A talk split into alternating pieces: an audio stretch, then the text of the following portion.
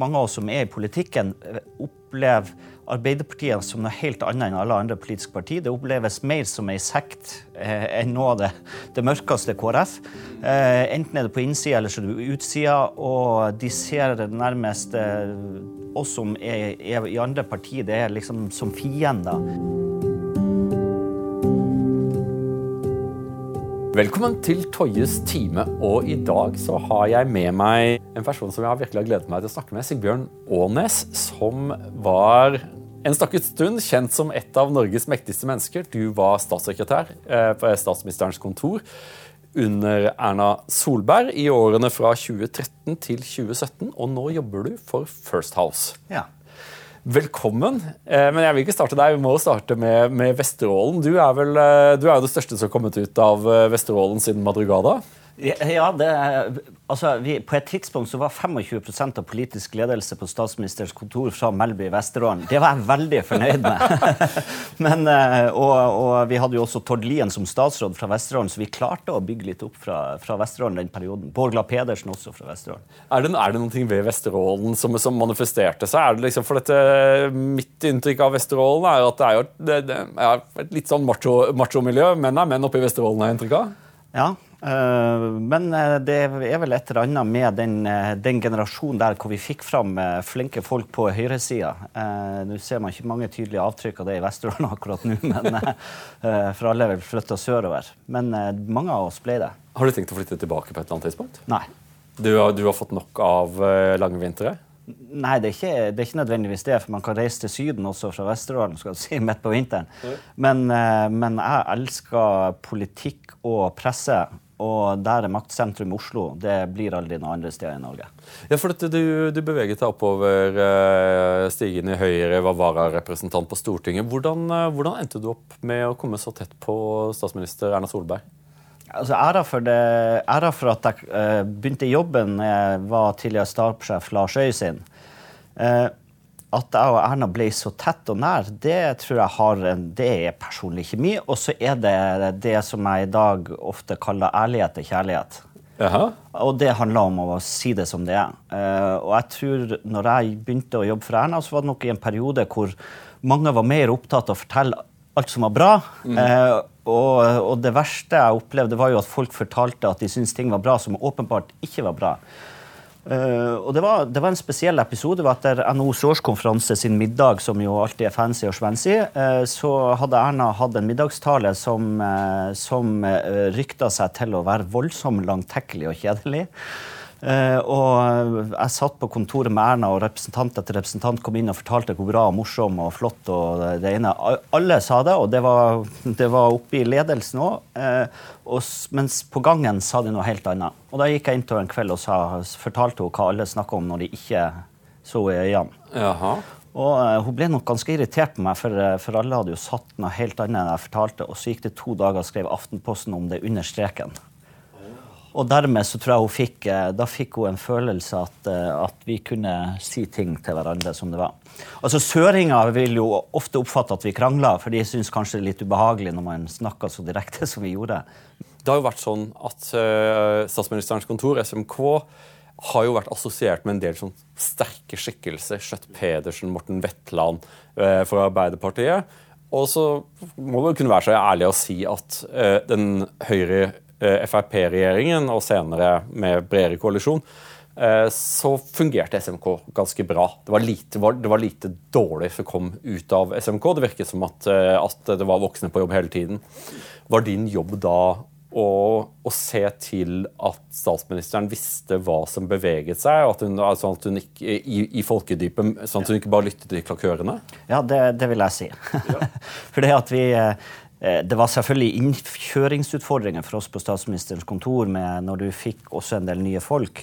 Men det, jeg vil si det var ganske veldrevende over tid. Eh, men og det er klart, da var Min jobb var å være på Stortinget, være ute og forstå hva er det folk egentlig snakker om. Og så er jo fordelen at Erna er heller ikke noe glad i sånn eh, notater fra embetsverk. Hun, hun, ville jo være på reise én til to dager i uka, så vi var masse rundt ute. Og det er noe med det, Jeg vet ikke om folk kjenner følelsen hvis du sitter på ei strand i Spania. Du skal ikke gå mange dager, for du mister litt touchen med det som er hjemme. Og, og for å si det sånn, eh, å, å sitte innelåst nede i hjørnet på Akershus festning på statsministerens kontor er ikke noe bedre.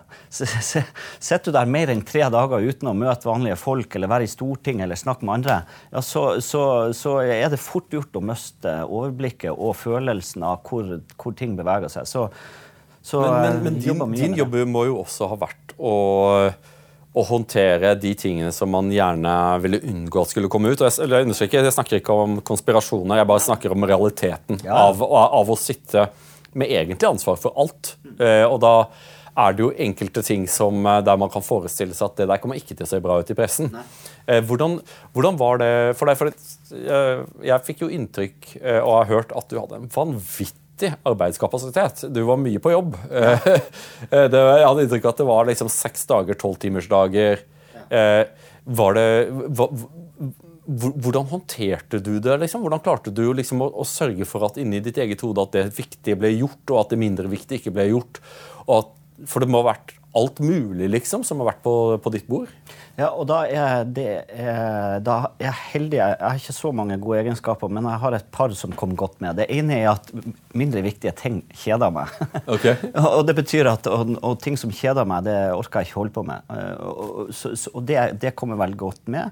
Det andre er, og det lærte jeg av min far tidlig, det er at eh, ledelse handler om å få med seg folk, og skal du få med deg flinke folk, så må de ha rom til å bestemme og gjøre ting som de vil. Og jeg har aldri vært noe eiesyk eller tenkt at eh, alt må gjøres på min måte. Så, så, så basically så har jeg vært så heldig at på, på jobb så var det ekstremt mange flinke folk etter hvert som gjorde, gjorde ting og sørga for at mye gikk bra. Alt fra reiser, eller det var utspill, eller hva det måtte være. Eh, og så hadde jeg jo en hjemmebane med en familie som sørga for at eh, det fungerte. Nei, det, det, var ikke det- takket være et meg. Ja, nei, men det er, jo, det er jo kjempeviktig. Men følte du deg mektig? Eh, naturligvis var jo ikke Statsministeren er jo statsminister, men det er jo en antakelse om at, eh, at veskebæreren, statssekretæren på det, at det er en person som, eh, som er en dørvokter, og som ser til at ikke, at ikke allting flyter til statsministeren. Eh, følte du deg mektig i den posisjonen? Ja, jeg følte nok makta da, og så har det nok slått meg langt sterkere i ettertid hvor at den var noe større enn det, enn det jeg var klar over. Det er et eller annet med at det ikke alltid er så lett å se når du, når du lever i det, for det går så fort rundt deg. Eh, Så skjønner man det kanskje enda bedre i ettertid, men, men det er jo ikke noe tvil om at jeg, jeg hadde jo stor makt, selv om jeg ikke et, var statsråd eller, eller satt i et departement, så, så, så hadde det det. På den ene siden så er du et politisk dyr, det er helt åpenbart. Eh, For det andre så har du da kommet til maktens tinder, og du forstår at, eh, at dette handler om makt. Eh, Jeg setter pris på at du ikke unndrar deg. Det liksom, men hadde du noen gang noen ambisjoner om, eh, om ministerposter selv? eh, Å være mer utøvende, eller var du fornøyd med eh, å stå, å stå bak? Nei, eh, eh, absolutt ikke. Og jeg føler nok ikke jeg hadde hatt noe mer innflytelse om jeg hadde vært statsråd enn eh, jeg gjorde det jeg, det jeg drev med. Rett og slett fordi at jeg er nok best på akkurat å gjøre det, det jeg gjorde, som var å være alt fra spinndoktor og samarbeidsparti og den type ting, enn, enn å være statsråd. Og, så, så, så jeg har aldri hatt, aldri hatt det jeg ønska ambisjonene. Det kommer aldri til å bli aktuelt. Instinktivt så får man en tanke om at statsministerens kontor, eh, maktfullkommenhet, det er vi som bestemmer. Eh, men så har du dette her, eh, denne tanken om maktens maktesløshet. Følte dere at dere kunne gjøre hva den skulle være hvis dere, hvis dere kunne få Stortinget med på det, eller var det en følelse av at eh, fanken så lite vi egentlig får til? Ja, nei, det, og det, det er et veldig godt spørsmål. For det første så er jo demokrati består jo av Det er jo mange ledd.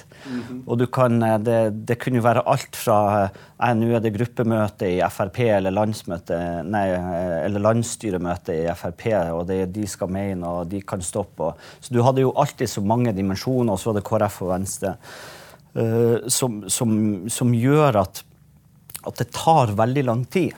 Eh, og noe av det fine i Norge er jo at vi har de, de si, partiinstitusjonene vi har. og alt sånt. Samtidig så ser vi jo i en verden som beveger seg stadig raskere, at litt av utfordringa vår etter hvert er at vi har, vi har lagt på så mange lag i høring og stat og fylke og kommune og alt mulig, at, at det jo nesten blir umulig å gjøre noe altså Når vi trenger å få gjort noe raskt, så er det umulig, for vi har satt oss i en posisjon hvor det er vanskelig. Og det, den kunne man føle på også på statsministerens kontor. For det er så mange regler. ja, ja, nettopp, for det, det, Man har jo brukt det bildet av liksom, avleiringer i et rør. At uh, til slutt så er det så mye avleiring at du ikke klarer å få vann gjennom røret. ikke sant? Men så, nå har vi, jo, uh, har vi et valg i Sverige. Uh, og nå skal vi vokte oss veldig for å trekke paralleller mellom med, For Moderaterne er ikke det samme som Høyre, og, og Sverigedemokraterna er så visst ikke det samme som Frp. Men det er et element av den samme der mange mente at Frp og Høyre i regjering, det ville bli vanskelig. Hvor mange Høyre som mente også, spesielt Oslo-benken. Eh, og nå er det jo, I Sverige så er det mange som lurer på er det mulig å danne en regjering der. Hva slags erfaringer gjorde dere i Høyre dere med å ta inn et, et blodferskt eh, regjeringsparti? Frp hadde aldri sittet i regjering før. Eh, var det, var det sånn, som man, eh, sånn som man fnyste i Aftenposten om at det kom til å bli voksenopplæring? eller hvordan, hvordan var det egentlig? Altså, de fleste av oss hadde jo ikke sittet i regjering før vi gikk i regjering i 2013. Eh, så selv om du har det i, parti og ryggmargen, så var det jo nytt for mange av oss andre. Men, men det er klart, jeg tror nok det var mye opplæring for Frp. Ikke voksenopplæring fra Høyre-folk, men det var også mye internlæring og, og tok tid å, å, å, finne ut av dette. Og, og noe av det som, som, jeg alltid har vært opptatt i politisk kommunikasjon, for så vidt hjemme, om det er barn eller samboer eller ektefelle, hva det er, det, det, handler om forventningsstyring. For jeg, jeg har en klart bilde av at folk, hva du får, handler, om du er fornøyd eller ikke, handler veldig mye om hva du forventa at du skulle få. Altså Barna på julaften, når de åpner opp, er de fornøyd? Det handler veldig mye om hva de har gått i tre-fire uker og gleda seg til å få eller ikke. Ja, ja. Og, og der, der, skapte jo Det syns jeg var det vanskeligste med Frp i starten. fordi at de, skulle, de, de prøvde å dra forventningene så høyt opp at uansett hva vi gjorde i regjering, så ble det skuffelse. Det er jo det med å oppsøke nederlag. Men det er det jo ofte et tegn på, på Arbeiderpartiet og Høyre har det i ryggmargen at man ikke lover ting som man ikke kan holde pga. at det blir bare gærlig. Ja. Eh, mens andre partier har nok et, et, ønsker å spenne buen høyt og sikte mot stjernen, og det er også kult. liksom. Det er jo det er demokrati, liksom. Ja, eh, men, men, det er jo noen grenser, for det. jeg vil jo si Senterpartiet har jo, de har jo virkelig mange erfaring med å sitte i regjering, men, men Vedum eh, Det fascinerte meg så inderlig. Først nyttårsintervju med Bjørn Haugan i VG, hvor han lover at folk får bedre råd i 2022 på et tidspunkt hvor de fleste skjønte at dette blir vanskelig. Ja. Så kommer krigen og Putins eh, angrep på, på, Ukraina. Og nå skjønner i hvert fall alle at nå blir det tøffere tider. Og likevel så gjentar han løftet om, om, at folk kommer til å få bedre råd. Og så, for meg i si, fagfeltet mitt så er det som å se en bil krasje i en murvegg i sakte fart. Altså det, det er helt fascinerende at men, det er mulig. Så, mellom oss og alle andre som ser på liksom, Jeg tenkte det samme da, da, da Jonas kjørte den um, Putin-linja på, på partilederdebatten, og så triller han terningkast seks i hovedstadspressen. Og så tenkte jeg oi, fader. Men, det må du ikke gjøre. Det, det må du ikke gjøre pga. at det er en veldig fin måte å vinne den debatten på. Uh, og dominere den debatten, Men den debatten her er ikke en sprint, det er en maraton. Du å, kommer til å Så den linja du legger deg på, er en linje som bør, være, uh, som, som bør holde hele veien inn. Og det er faktisk en forskjell på at Erna står der, no problem, for de er opposisjon. Uh, men det å være den som skal eie dette, Eh, risikabel, syns jeg. Ja, og det er krevende, også det med å være statsminister. Du, du sier det veldig godt. Det er ikke en sprint, det er en maraton og det er ultramaraton. sånn at, at, og, og, det er det mange som, som, eh, som, gjør feil. Eh, det er at du, du blir for kortsiktig. Men så, så, du, eh, du, har nå skrevet en, en kronikk om, om, strøm og Norge og Europa. Kan du så, fortelle kort liksom, hva, hva, som er ditt grunnsyn? For jeg tror at det har de fleste om denne saken nå. Ja, altså... Min, min grunnbekymring, og jeg er jo en sånn lett bekymra type eh, Min bekymring er jo at vi er veldig vant til å alltid være de snille, eh, vi nordmenn. Vi tenker at vi er alltid så gode og snille overalt, og, og sånn har bildet oss vært. Eh, og nå har vi en situasjon i Europa som til tross for at vi har det tøft i Norge, så er det mange europeere som har det langt tøffere med, med høye gasspriser kom ut nyheter i dag eh, om at Europa er i resesjon nå. Ja, nettopp. ikke sant? Så Økonomien vår krymper. Ja, ja. Så, så, så, og, og, jeg har opplevd uh, samtaler de, de, siste ukene hvor jeg skjønner at, uh, at europeiske ledere Eh, det kan være i næringslivet og andre, er, er sint på Norge. Hvorfor, altså fordi at vi sitter på, vi på gassmakta. Hvorfor senker vi ikke prisene? Makspris på gass, eller, eller, hva det måtte være. Så, så, det begynner å bli et sinne. Vi hadde Belgias uh, utenriksminister som var nylig her. En renommert kommentator i, i Financial Times var ute og, og, og brakte debatten. Og så, og så, kommer vi med et statsbudsjett og etter hvert også et saldert eh, si, for, for 2022 som sannsynligvis viser et BNP som går opp. Ja. Og da kommer vi til å få virkelig risikere å svi for disse prosentmålene vi har vært så opptatt av. For da er vi lengre unna Nato-målet på 2% som vi har forplikta oss til, sannsynligvis enn noensinne. Det er ikke lett å forklare polske politikere eller baltere at, eh, at eh, vi vil ikke bruke mer av det pengene vi tjener på denne krigen, til vår felles sikkerhet. Og så kommer vi med et bistandsbudsjett som, hvor vi har holdt nære 1 hellig lenge, som jo jeg selvfølgelig for så vidt mener er bare tull. Men allikevel. Bildet der ute vil være at vi tjener enormt på, på, krigen. Vi er nærmest krigsprofitører, men vi vil ikke på en måte bruke av det overskuddet til, til verken sikkerhet og trygghet i Europa eller på å hjelpe de som rammes rundt i verden.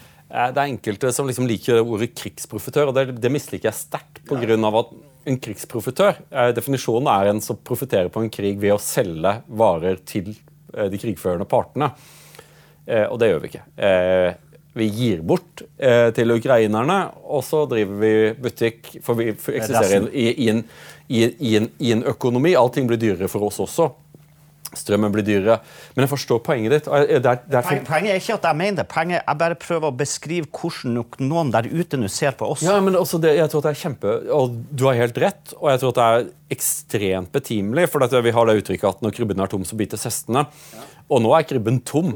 Og alle politikere i alle europeiske land vil ha et ganske sterkt behov for å peke fingeren på noen andre enn seg selv. Ja. Eh, og alle, eh, la oss være ærlige, liksom, at enhver norsk regjering ville sittet bundet til mast akkurat nå. Ja, ja. Det er, det er Dette er sånn ikke rødt og blått. Nei.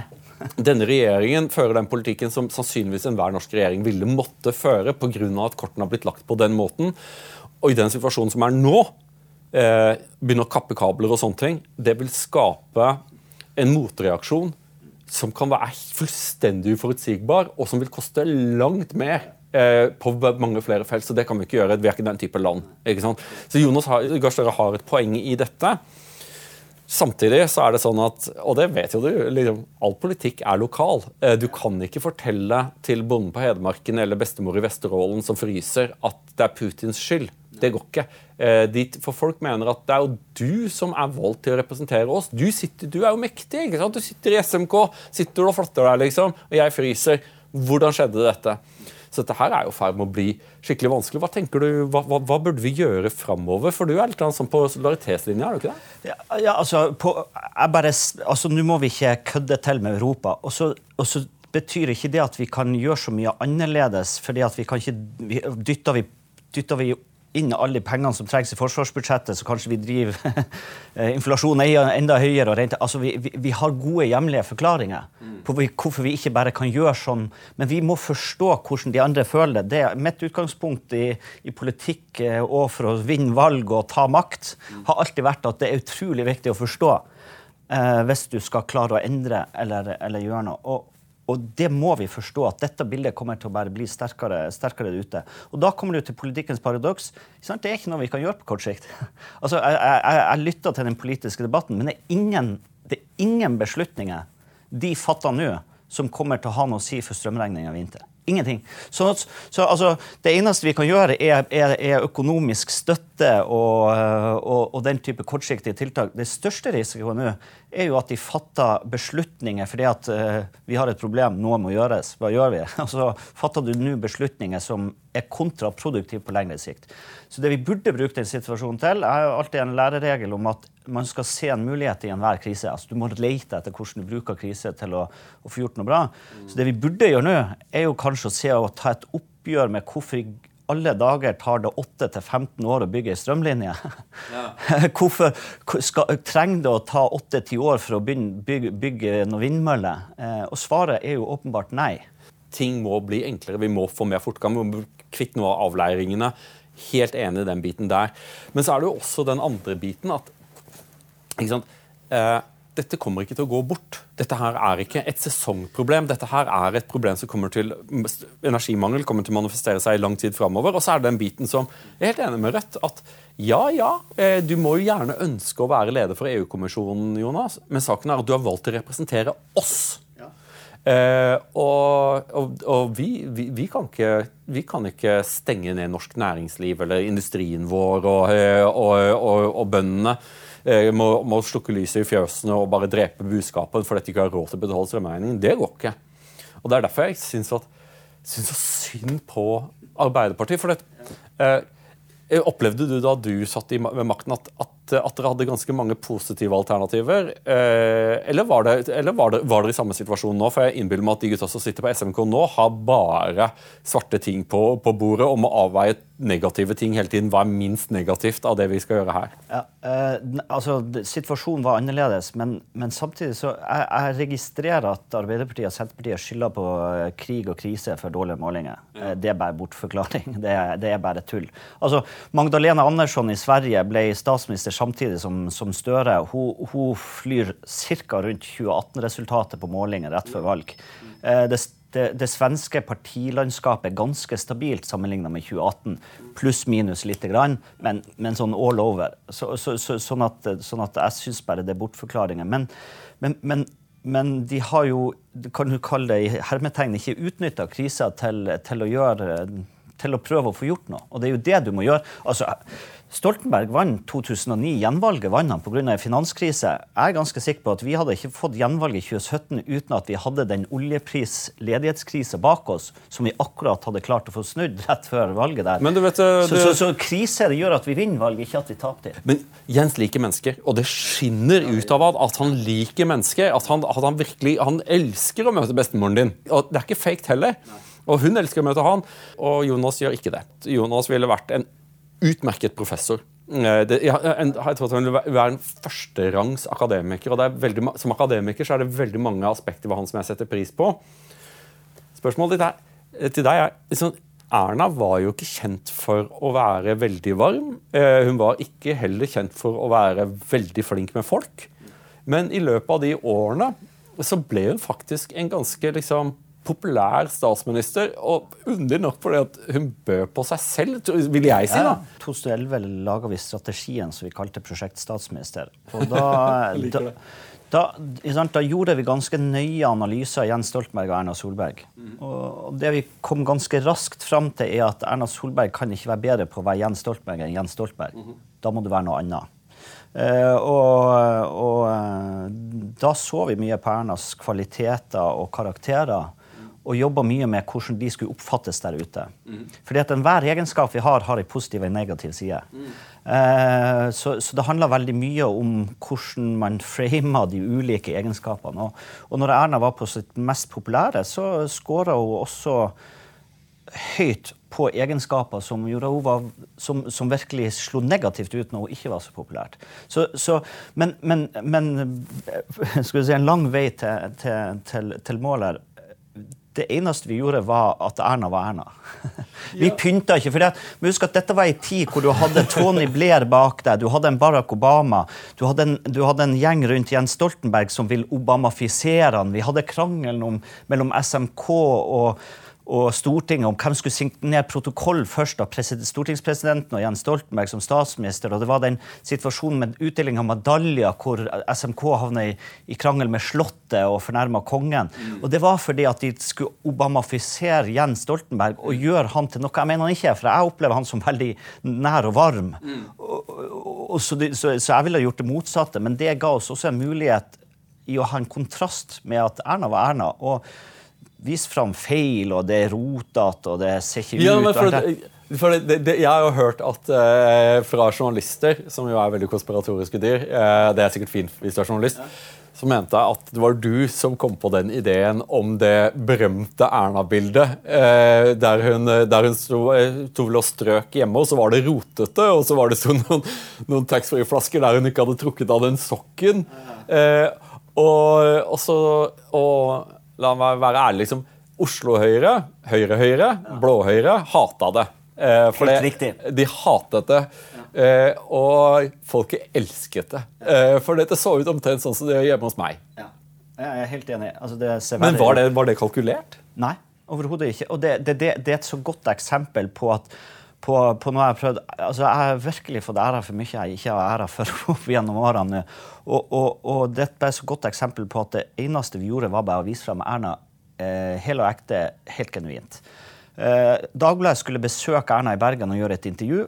Forutsetninga for intervjuet var at de ikke skulle inn i huset. Eh, så begynte det å regne, som det jo gjør i Bergen. Erna inviterte inn. Eh, det, sånn, sånn var det. Der var ingen rådgivere til stede. Det var kun Erna, det var kun Sindre.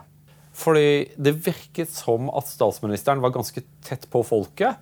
Og så brøt, men hun brøt jo en del av de liksom, Jeg er jo ikke noen politisk rådgiver, men liksom jeg har fått med meg noen av reglene. Nummer én aldri ta bilde med, eh, med hatt eller lue eller noe sånt. Erna tok bilde i en hjelm der eh, når jeg kan si det, så ut som en hamster. Eh, eh, og folk likte det også, liksom. Så, det, eh, så det, den strategien deres må ha sittet på en eller annen måte, men dere, dere var jo ganske ikonoklastiske og brøt en del av liksom the golden rules, da. Ja, vi gjorde det. Jeg, altså, jeg, jeg mener vi både den måten å, å vise fram Erna bare at hun skulle være seg sjøl, men også altså, vi utvikla jo en helt ny form for politisk kommunikasjon på den tida, som var et ganske sterkt brudd med måten Jens Stoltenberg hadde drevet det på i, sitt tiår, for å kalle det det, og som han var en mester i. Så, så fordi at Jens Stoltenberg kunne, kunne stå i stortingssalen eller på en debatt eller live i Dagsrevyen og aldri svare på et spørsmål. fordi at sånn gjorde du før, og så gikk man på kurs hos kommunikasjonsrådgiver og lærte at du skulle bygge bro og svare det du skulle bestemme deg før du gikk i studio, og alt og triks for hvordan du skulle komme deg unna spørsmål. Mens, mens Erna bygde en politisk kommunikasjon rundt å faktisk svare på spørsmål. Og at det skulle bli pris, altså at man skulle sette pris på det. Og det var noe av det vi Nei, men hun er bare ærlig og direkte. Ja, men det, det, det var jo sånn, Den regjeringen var jo veldig sånn frustrerende tror jeg, for opposisjonen. På grunn av at hvis man har folk som vet hva de snakker om, og som sier at ja, eh, men det er ikke så enkelt. Og så begynne å gå inn i detaljene, for der hadde jo Erna en styrke. Hun er jo et detaljorientert menneske, så hun var villig til å diskutere detaljene. Eh, og så har hun tydeligvis en sånn der eh, elefants hukommelse, så hun kan jo gå tilbake liksom åtte år og, forklare for, Hun vet akkurat hvorfor det var slik. det vi forsøker å endre på. Altså, hun kunne si til meg du, Sigbjørn, i januar 1997 var det en debatt i stortingssalen hvor vi snakka om sånn og sånn og sånn. Kan dere finne fram eh, det? Altså, det, det hodet der skulle jeg vært på innsida av noen ganger. Jeg har vært så godt som, men jeg har ikke vært helt inni det. For det, det er helt fascinerende at det er mulig. Altså, jeg, tror, jeg, jeg tror det er vanskelig å forstå hvor ekstrem god den hukommelsen er. Det er helt vilt. men sånn som jeg har jo vokst opp i en tid der eh, Høyre alltid har vært sølv, eh, Arbeiderpartiet har vært gull.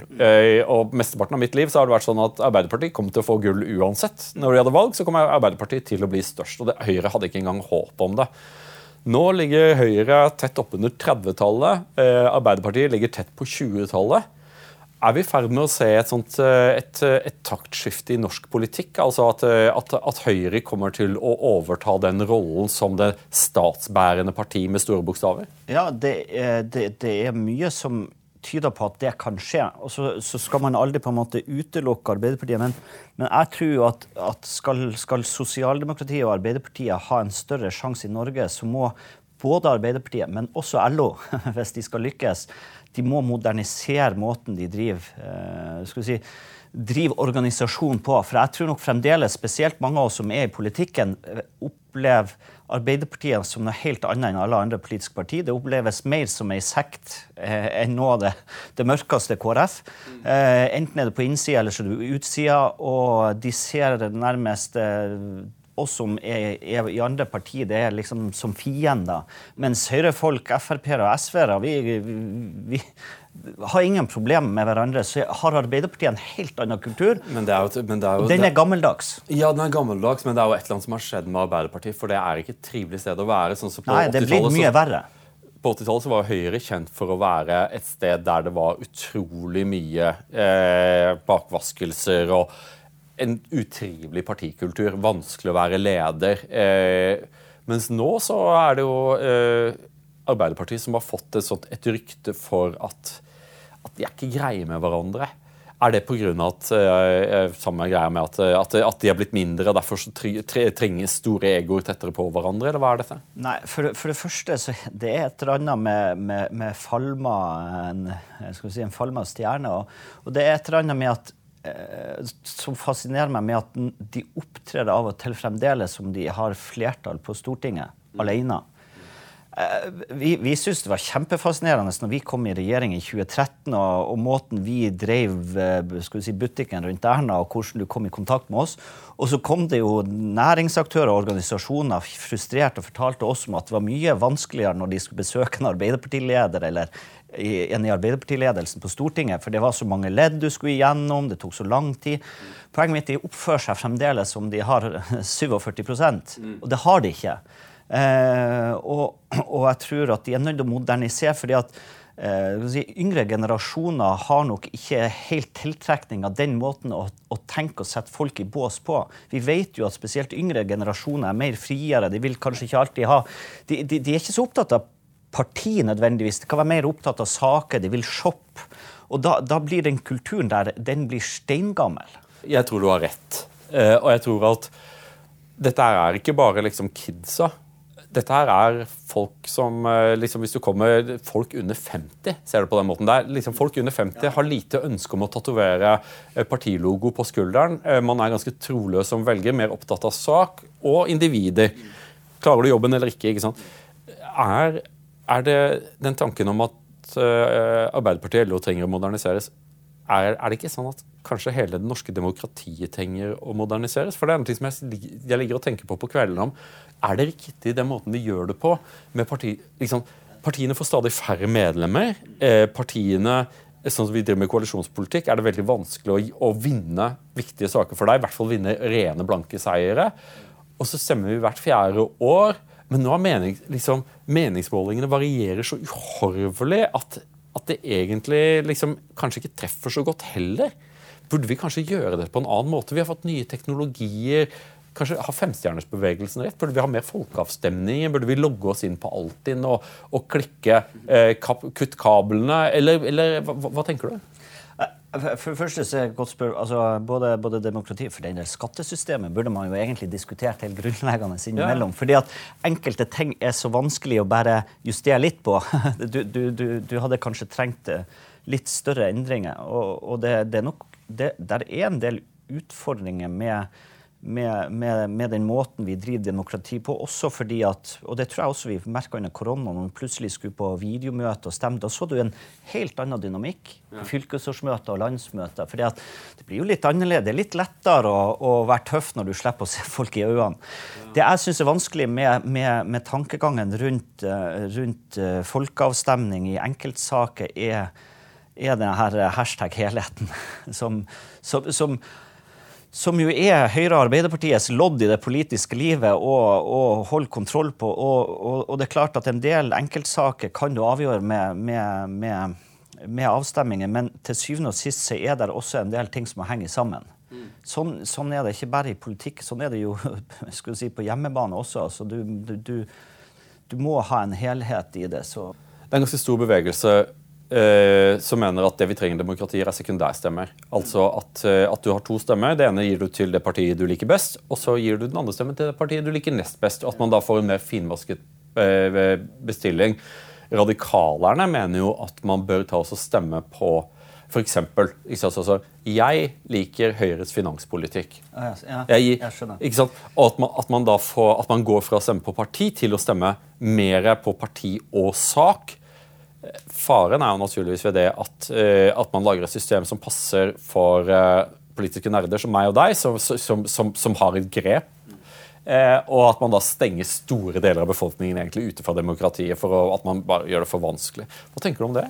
Nei, jeg tror For det første så, så, tror jeg det er krevende nok i dag å klare å å engasjere befolkningen innimellom utover noen helt eh, sånn enkeltsak sånn som strøm som går nå, det var vindkraft på land, og så var det bompenger. Og vi ser jo at veldig mye Altså 95% av det du skal beslutte som politikeren, er folk knapt opptatt av når de, når de avgir en stemme. og Det er en kjempeutfordring. Og det, det er ikke bare folk. Det, det, altså Pressen drives jo også der. Jeg husker Journalistene begynte å kritisere oss kraftig når vi, den gang vi tok i bruk uh, og starta med egne debatter på Facebook, egne Facebook-kanaler sammen med Arbeiderpartiet. Så, mm. så gjennomførte vi debatter jeg tror første gang var i 2013.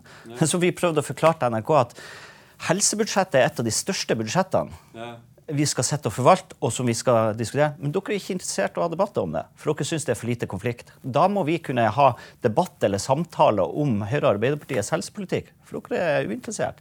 Og Det er litt av utfordringen, og det er jo det jeg liker også med at vi har Um, har fått andre kanaler enn de redaktørstyrte mediene, er jo at det er, det, det er mange fordeler med redaktørstyrte medier, men det er mye som ikke dekkes der også. Men Hva syns du om journalistene? For det, eh, Jeg har hørt andre politikere være litt frustrert over at journalistene er eh, veldig opptatt av klikk. Eh, og kanskje vinkler saker på en viss måte, og enda verre at de kanskje ikke setter seg inn i sakene. For det, det vet jeg av erfaring at det er mye lettere å ha sterke meninger om ting du vet litt om, enn ting du kan mye om. Det er helt riktig. Wirkola skal en gang ha sagt at Dagbladet er den eneste russeavisen som kommer ut hver dag. Eh, og eh, det, det, uttrykket ligger det veldig mye godt i. Eh, når det gjelder norske journalister, så, så syns jeg det, eh, det, er, det, er, veldig mye bra. Uh, jeg, det er klikkjournalistikken som jeg mener Dagbladet er eksponenten for, det var derfor jeg nevnte det, syns jeg er helt forferdelig. Jeg syns det, det, det, er vondt innimellom å gå inn på dagbladet.no. Derfor er det den avisen jeg er minst inne på. Men vi er også i ferd med kanskje å miste en generasjon journalister som er helt unik. Solveig Ruud, som akkurat slutta i Aftenposten, og nå skal den nye Alltinget altså, Den eneste journalisten jeg har opplevd som var i nærheten å kunne matche Erna på detaljer, var Solveig Ruud. Altså, hun var utrolig god. Uh, Alf Bjarne Johnsen i, i VG, en annen som kan forsvar, sikkerhetspolitikk. Og han kan det. Ja. Trond Strand i BT, som har hatt mange store avsløringer opp gjennom årene, og som eh, når vi hadde den asylbarnsaken i 2014, viste seg å ha mer rett enn alle disse tallknuserne og, og folkene i Justisdepartementet. Han, eh, han, hadde rett, de tok feil. Det holdt på å gå skikkelig gærent. Men, eh, men også en som, som kan sak veldig godt. Og så tror jeg uh, yngre journalister så er det ikke noe galt med skal si, hodet deres, men de har mye mindre rom for å spesialisere seg, sånn som en del av disse har hatt. Og det kommer til å bli et tap. Jeg synes at Hvis du skal leve av å skrive, så bør du skrive godt. Eh, og da bør du også vite at en fyrbøter er ikke en person som jobber ved et fyr. Nei. nei, nei. En stund så var det jo sånn at, eh, at journalistene var ekstremt mektige. og Derfor så var det veldig viktig for, gode, for en person som deg, da, i din posisjon, så måtte du ha filofaksen og navnene. Og måtte også liksom på, Jeg antar være flink til å gi godbiter, sånn at, eh, sånn at alle sammen var på innsida på en eller annen måte, sånn at du visste hva som beveget deg. Nå er de vel kanskje mindre viktige, og de er sintere og ganske og, og styggere. Se på uh, Slagvold Vedum, som var liksom Aftenposten Du skulle jo tro at han hadde ripa opp bilen deres. Liksom. Uh, men, men, jeg tror at når vi ikke-redaktørstyrte medier, tror jeg at kommer til å, å fortsette bare å svekke de gamle mainstream-mediene. Uh, hvordan skal vi sørge for å hindre at den politiske debatten fullstendig degenererer? Eh, for NRK kan jo være trau, eh, trau, eh, trauste og litt kjedelige, og sånne ting, og de, kanskje de ikke alltid er villige til å ta, de, liksom, ta, den store helsedebatten, for det er ikke nok konflikt. Men de, de tar jo ikke de aller mest vonde debattene og spisser dem så mye som overhodet mulig, og det er det som skjer på YouTube. Ja, det er det. Altså, for det første så, så savner jo jeg arena arenaer som akkurat dette, hvor du snakker sammen. Og, jeg, og dette har jeg jo prøvd å sagt til de journalister jeg kjenner, sånn at jeg tror de undervurderer andelen av befolkninga som av og til bare har lyst til å høre for å både, for å både lære og forstå. Ja. Eh, også i, i, kan du si, når det gjelder politikk. Eh, vi trenger ikke alltid å høre to-tre politikere som krangler om noe. Av og til så lurer jeg på bare hva de mener, og hvorfor mener de det. Og ja. hvordan har de tenkt å gjøre det? Og så jeg, kunne jeg tenkt meg av og til å høre Senterpartiet mot Høyre eller Høyre og Arbeiderpartiet eh, ikke prøve å fortelle hvem som gjorde feil før, og hvem som gjorde hva i 1980, og, og hvor ille det blir, og svartmaling. Jeg bare, vil bare liksom høre en meningsbryting om ulike standpunkt for å gjøre meg opp ei mening. Og jeg tror NRK spesielt, men også andre medier, undervurderer at det er faktisk en god del i befolkninga som kunne vært interessert i det. Men det er bare en mening. Jeg tror at I en befolkning så er det en andel som er interessert i politikk. De folk er ganske viktige, for det er veldig mange andre som stoler på dem. Du vet, hvis, hvis, du kjenner noen som kan mye om politikk, så hører du med på hva hun eller han sier. Eh, og det også caterer litt til de folka som har tatt seg bryet med å sette inn i det. det, filtrerer nedover. Mens den der som punchline-journalistikk, det er den som, den som har den vittigste svaret og den skarpeste, mest uh, snerten. Jeg tror ikke at det er det at det egentlig er politikk. Det er, det er politikk som forestilling og spektakkel. Nei, altså, det, jeg syns det, det, det, er veldig relevant, og det er veldig krevende. Uh, um, at vi, at, vi har, at vi, har, kommet dit at det er for, det er for mye sensors, sensasjonalitet og for lite substans. Uh, og så må jeg si, Aftenposten har jo også de siste årene de hadde, hadde jeg Aftenposten forklart og litt sånn altså, uh, så, Som kan, kan, være veldig bra. Men vi, vi, vi, snakker for lite sammen og roper for mye til hverandre om dagen. Og det er en, en hissigpropp. Og, og har ropt til mange, men, men, men jeg syns det er for mye utestemme og for lite samtale. Men Du må også fortelle litt om hva, om, om hva som skjedde etter din tid i SMK. Eh, for det er jo mange som blir utbrent, ganske enkelt. Eh, skjedde det deg? Ja, det, det, er nok riktig å si. Eh, at Jeg innså det jo ikke sjøl, men det er klart at siste året spesielt var krevende med familie. Ungene begynte å bli store, og de, de syntes det var vanskelig at, uh, at, faren aldri hadde Altså, Én ting å være hjemme, men, men, de kunne jo stå og hoppe på meg, men jeg sto i telefonen uansett. Ja. Så siste nesten året så bodde jeg på hybel i Oslo og kom hjem når jeg, når jeg lova å legge bort telefonen. Og så, så og jeg sliter jo fremdeles med den søvnen, for jeg, for jeg utvikla en eh, Det å våkne opp to ganger i løpet av natta kan nesten stille klokka etter. Og det gjør jeg fremdeles. Du gjør det for, for, bare for å sjekke om det er noe ja, som er tikket inn? jeg vet ikke, det, det, var sånn at det gikk så fort på dagtid at for det første, når du la deg ned på puta, så fikk du plutselig litt ro til å tenke. Så da tar det litt tid å få sove. Og så var det sånn at jeg våkna alltid opp to ganger i løpet av hver natt. Når jeg har vært på jobb eller på TV, eller noe sånt, jeg kan ikke gå rett og legge meg, for da får jeg ikke sove. Ikke. Så jeg, jeg, jeg liksom jeg, bruker mye David Attenborough. Ja. Sånn derre antilopene på Serengeti eller et eller annet sånt. Bare en halvtime med det, liksom, da, da, da får jeg sove. Hva, hva, gjør du for å komme ut av den bobla?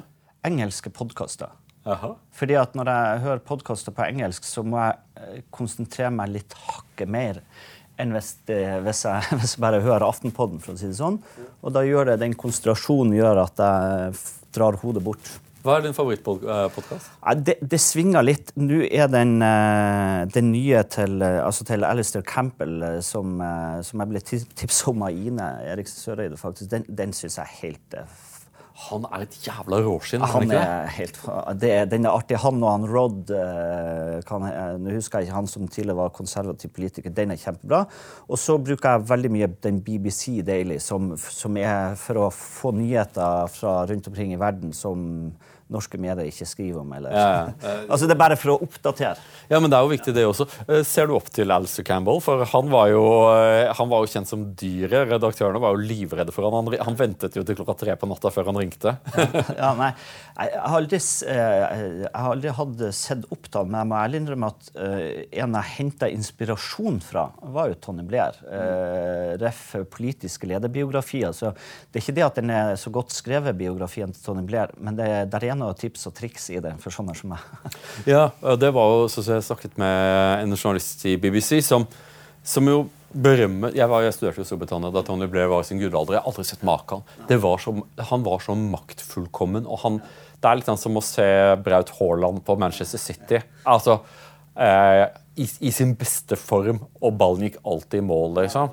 Eh, men BBC-journalisten mente jo at, eh, at all spinndoktoreringen til Labour gjorde, endte opp med at det ble til slutt sånt, at det ble en slags flekkete, ugjennomtrengelig glassvegg mellom regjeringen og befolkningen, som med tiden avfødte en vanvittig politikerforakt. Eh, spesielt i forhold til eh, Det ble ett kasus, Irak-krigen, som gjorde at mange mistet tilliten til at deres ledere kom til å fortelle sannheten til dem. Og Det ser vi også i Norge i forhold til koronahåndteringen. så er det jo Det er jo ikke mange. Eh, men det er, det er, miljøer i Norge som mener at, eh, at, eh, at regjeringen med, med, Erna ikke var sannferdig, og at vi, ble, at vi ble ført bak lyset.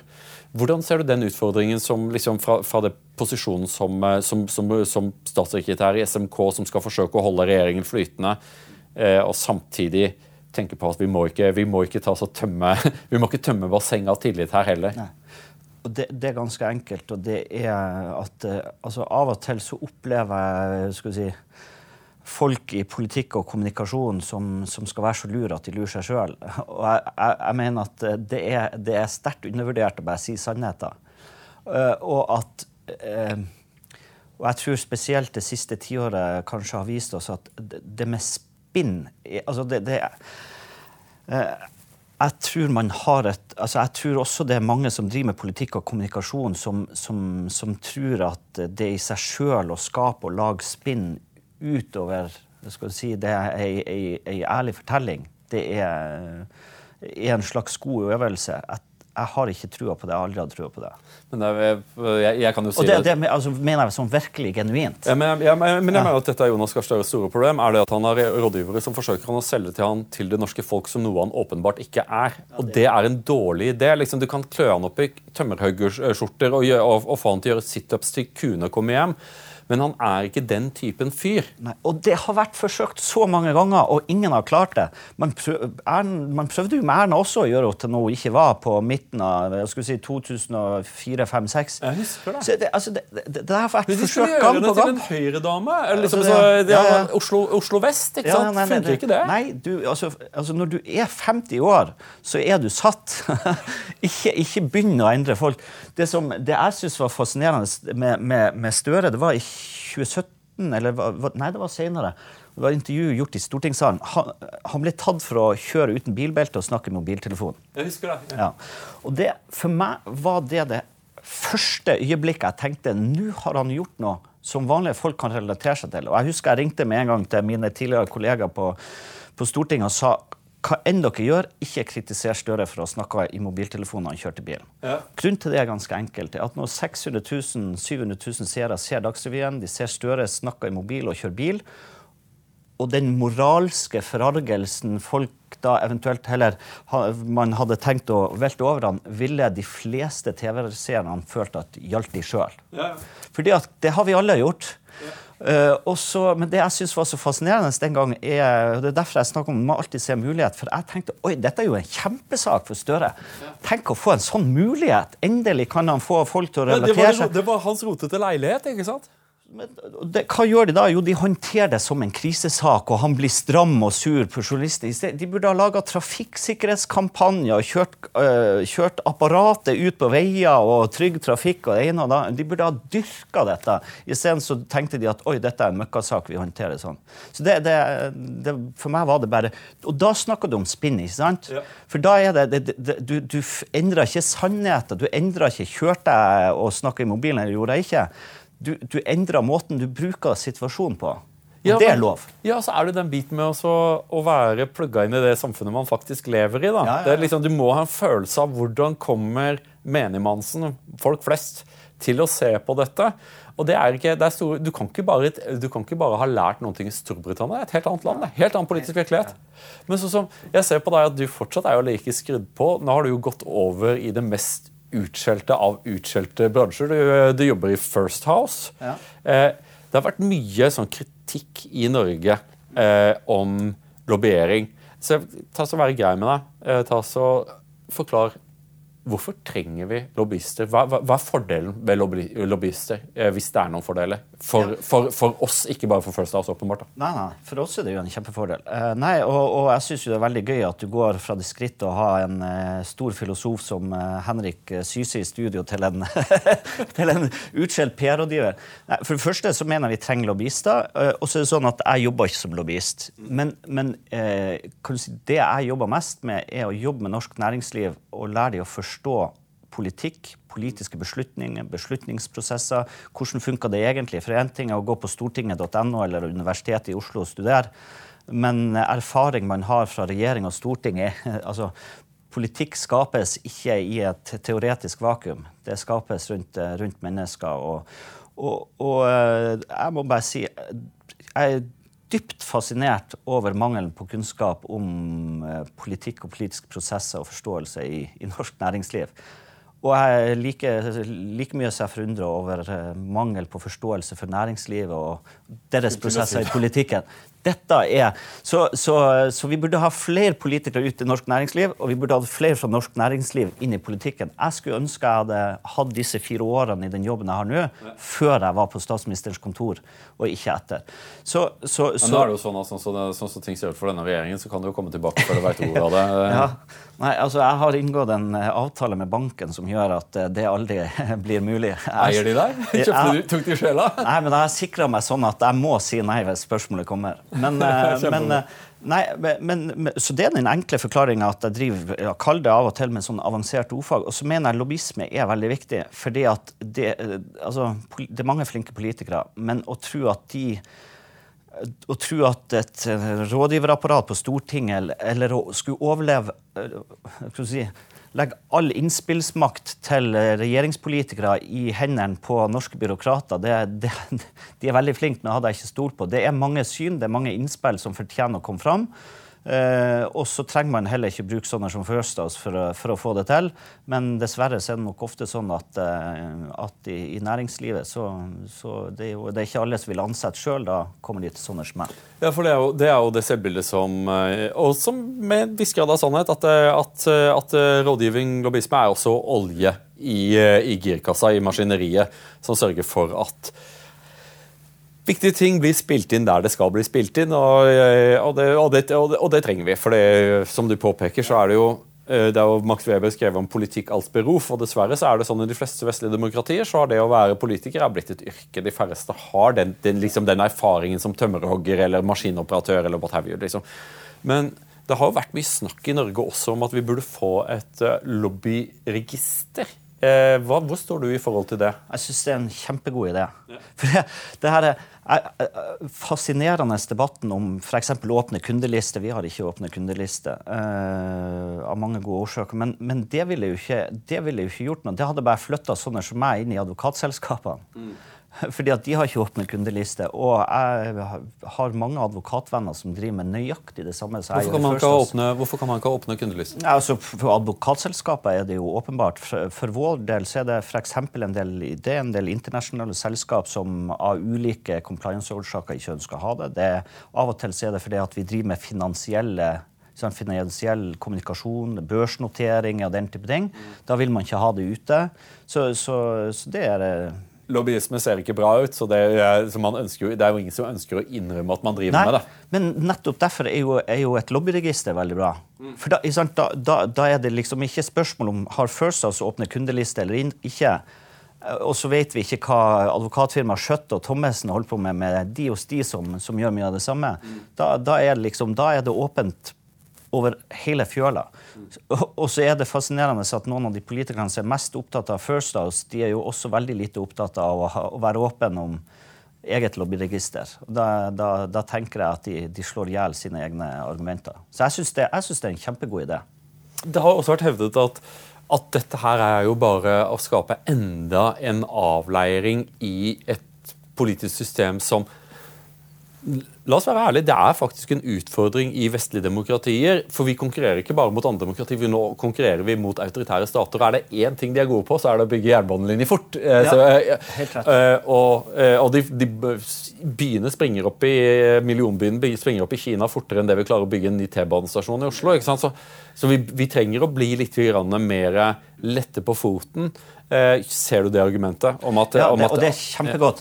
fordi at Altså det, det, det, det, å få til noe er ikke alltid så lett i Norge. Men det å trenere noe eller få stoppa noe er ofte mye enklere. Trenering er jo, er jo, er jo, en, er jo en, sport i, i dette landet. Så, så, så, så, det er klart, der er noen baksider med, med, den delen av demokratiet som gjør at det er vanskelig å, å få, få ting gjort veldig fort. Men så må jeg jo i, i, i den diskusjonen også trekke fram et lyspunkt og, fra, fra, de siste ti årene. Og det er jo det her eh, Nye Veier som er laga. Ja. Fordi at det var, da, da, var det akkurat det samme. Statens vegvesen hadde gjennom 30 år lagt på nye sider på nye sider på nye sider. Hver gang det var noe tele, eller hvis vann rant feil, eller hva det måtte vært, så var det nye krav i den enorme permen de hadde til hvordan du skulle bygge en vei i dette landet. Og så satte man jo ned Nye Veier. Og så, eh, og så røska de ut alt. Satte inn nye krav. Mye kortere, mye enklere. Fikk ned tida det tok å bygge. Og tenk hvis vi kunne gjort det samme på f.eks. strømnett. Ja, det ville vil jo vært, vil vært, fint, men man er ganske avhengig av enkeltpolitikere. Sånn så jeg hadde Ketil Solvik-Olsen her. Eh, og Det var liksom morsomt eh, at eh, Finland ønsker å bygge mer vei nå. Og, og navnet hans er kjent i Finland som liksom et forbilde for hvordan man får det gjort. Så det er ikke, Dette er jo ikke et egentlig partipolitisk spørsmål, dette er mer et samfunnsspørsmål om at vi ønsker at ting skal være trygt, vi vil at det skal være gjennomsiktig, vi vil at prosessen skal være presis så. Samtidig som at vi veldig gjerne vil at på et eller annet tidspunkt at veien bygges, eller at strømlinja trekkes. Hvordan ser du liksom, hvordan kommer dette til å utvikle seg fremover? Fordi jeg ser, og nå kan du bare si det som er feil, at talenttilgangen i politikken og Nå snakker jeg ikke om noe, poli, noe parti, men de enerne synes å velge velger bort politikken. Og nå skal jeg bruke et, et eksempel. Eh, Torbjørn Røe Isaksen er ansett for å være et betydelig talent i ditt parti. Litt, litt ikke A4, men smart og, og, flink. Når han går ut av politikken for å bli journalist, det er ikke et veldig godt tegn for politikken. Hva er det som har skjedd der, da? Nei, og Nå trykker du på en annen av mine store bekymringer. og det er, det er rett og slett at uh, jeg er også veldig redd for at det er veldig mange som ikke kommer til å orke å gidde.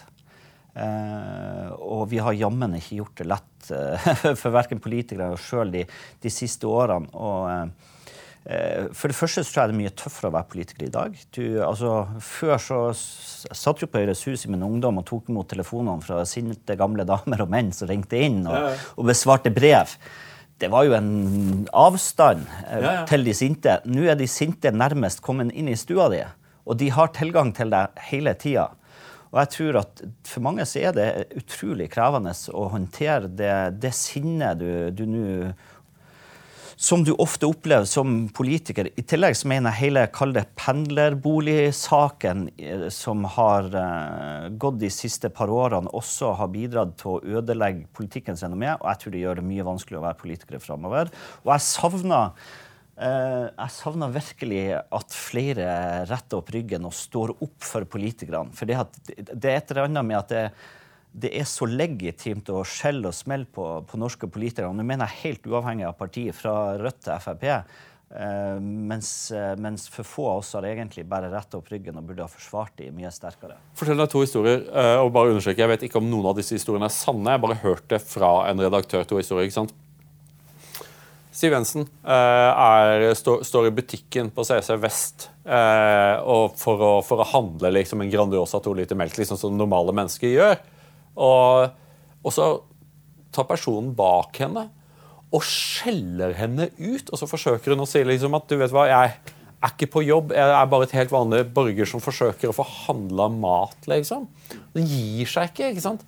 Og det er jo noen ting som det kan jeg faktisk ha veldig empati med. For det, liksom, av og til så er du bare sliten. Av og til når du er skrudd på, og du, er, du, og du, og du liksom OK, skal vi gjøre dette? La oss gjøre dette. Men det å liksom ikke få lov til å være i fred når du er sliten og kjørt, og du hadde ikke lyst til å være i butikken, men dette ikke sant? Annen historie, eh, jeg vet ikke om det er sant. Trygve Slagvold Vedum, Hamar ute og spiser middag med dattera si, liksom. Og så kommer det noen bort og æreskjeller han foran barna hans.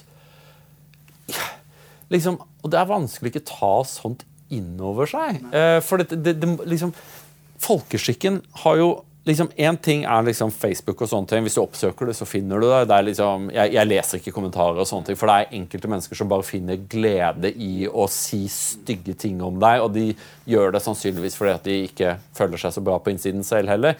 Greit nok. Men at det skvalper over i det virkelige liv Det har det, og det er jo det som er forferdelig. Jeg, jeg, var jo ikke kjendis som Siv, men jeg opplevde jo at de få ganger man skulle i kall det fremmede sosiale settinger, så, så ville jeg aldri fortelle hva jeg drev med. For da var det sånn, da, ok, da visste jeg, da, da var den kvelden gått. ikke sant? Så, så, så, du, så, hvis man klarte å være anonym, så prøvde man det, at, for da slapp man. Men, og det er ikke bare folk. Jeg, jeg hadde en opplevelse med en journalist i 2016-2017. Jeg reiste opp på hytta med mine to, eh, da toværende barn for første gang alene. Eh, vi står og, og laga taco. Jeg hadde ett barn på hver side. Og, og dette var Altså, det var sikkert første gang på jeg vet ikke, seks-åtte uker hvor jeg hadde, hadde to, to, dager i utgangspunktet fri. Og var alene med de på hytta. Så ringte en journalist, og så sier jeg høflig du, sorry, ring Kommunaldepartementet. For jeg, jeg er første gang alene på med hytta. Nei, på, med, på hytta med ungene, og vi står og lager mat og sånn, så vær så snill. Nei, nei, du, Sigbjørn, dette må du svare på. Uh, og så sier jeg vær så snill. Nå, jeg, jeg, jeg, har virkelig behov for å gi ungene den oppmerksomheten, og ikke at de skal konkurrere med deg på telefon. Så nå ring videre. Nå må jeg få fred. Ja. Og så og så kom det en gang til. Nei, Sigbjørn, det aksepterer jeg ikke. Du må svare nå. Da må jeg innrømme, da gikk rullegardina ned. og stakkars barn sto der etterpå ganske skremt, men da var jeg så sint. Og det sinnet jeg, jeg, blir fort sint, men jeg blir fort blid. Men det satt skikkelig i for meg. Det satt i for mine barn, men det var en illustrasjon på hvordan det var. Skal det sies at et par uker senere sverna i spørretimen. Og når vi var ferdig der, så sto vi jo i vandrehallen og skulle gi intervjuer til all norsk presse og journalister som ville ha spørsmål. Eh, vedkommende journalist kom og ville ha intervju, og jeg jaga han unna. Jeg sa jeg er ikke klar for å gi deg noe som helst slags intervju enda. Ja, men det er jo så, men sånn er, mente det var men, men, det, det er jo det som er poenget jeg forsøker å få fram. at vi må, også, vi må ikke glemme det at vi så alle sammen er mennesker. Eh, og det er at Av og til så er det jobb, og da er det eh, Ta gjerne av hanskene, liksom. Det, det, er greit. Men det er denne biten med å huske at politikere er også privatmennesker eh, som, eh, som, har barn, og som er slitne og har skapelige utfordringer og syke, syke foreldre og alt det greiene som et menneske har, og at det ikke alltid passer seg å komme og si 'jeg skal si hva faen jeg mener om deg'. ikke sant? Og Det er liksom, man, det er også, også, jo folkeskikk vi snakker om. Ja, ikke sant? Og er, jeg, jeg, tror at du har veldig rett i det. Uh, selvfølgelig, Man kan jo skolere herfra til evigheten. og det, du, Høyre har vært, har, Dere har alt opp noen ordentlig glatte eksemplarer. Gratulerer med det. liksom. Men, men jeg tror også at hvis du skal få den type politikere som et demokrati fortjener uh, altså liksom, jeg tror, jeg, tror at vi fortjener Erna på en eller annen måte. Nå skal ikke jeg liksom gjøre landsmoderne, liksom, men hun var et genuint menneske. Eh, og på en eller annen måte så fungerte hun. Eh, jeg tror at vi skal være litt sånn forsiktige, ellers så får vi bare én type mennesker, sånn sosiopater som bare ikke bryr seg. Ja, eller, eh, eller, vi kommer til å ende opp med politikere som aldri har gjort noe gærent. Og det er min største frykt. Og Gud bedre. altså det, jeg kunne ikke tenkt meg til noe verre. Og det er jo det litt vi ser altså det, det Når vi ser den Sanna Marin-debatten i, i, Finland nå altså, jeg, jeg, jeg, er litt redd for, for jeg, jeg skal innrømme at, at, eh, For 15 år siden så samla jeg inn alle mobiltelefoner og kamera etter et utdrikningslag for å sørge for at alle bildene var sletta. Jeg hadde en tanke om at flere av oss i, i det utdrikningslaget kanskje skulle bli noe en dag.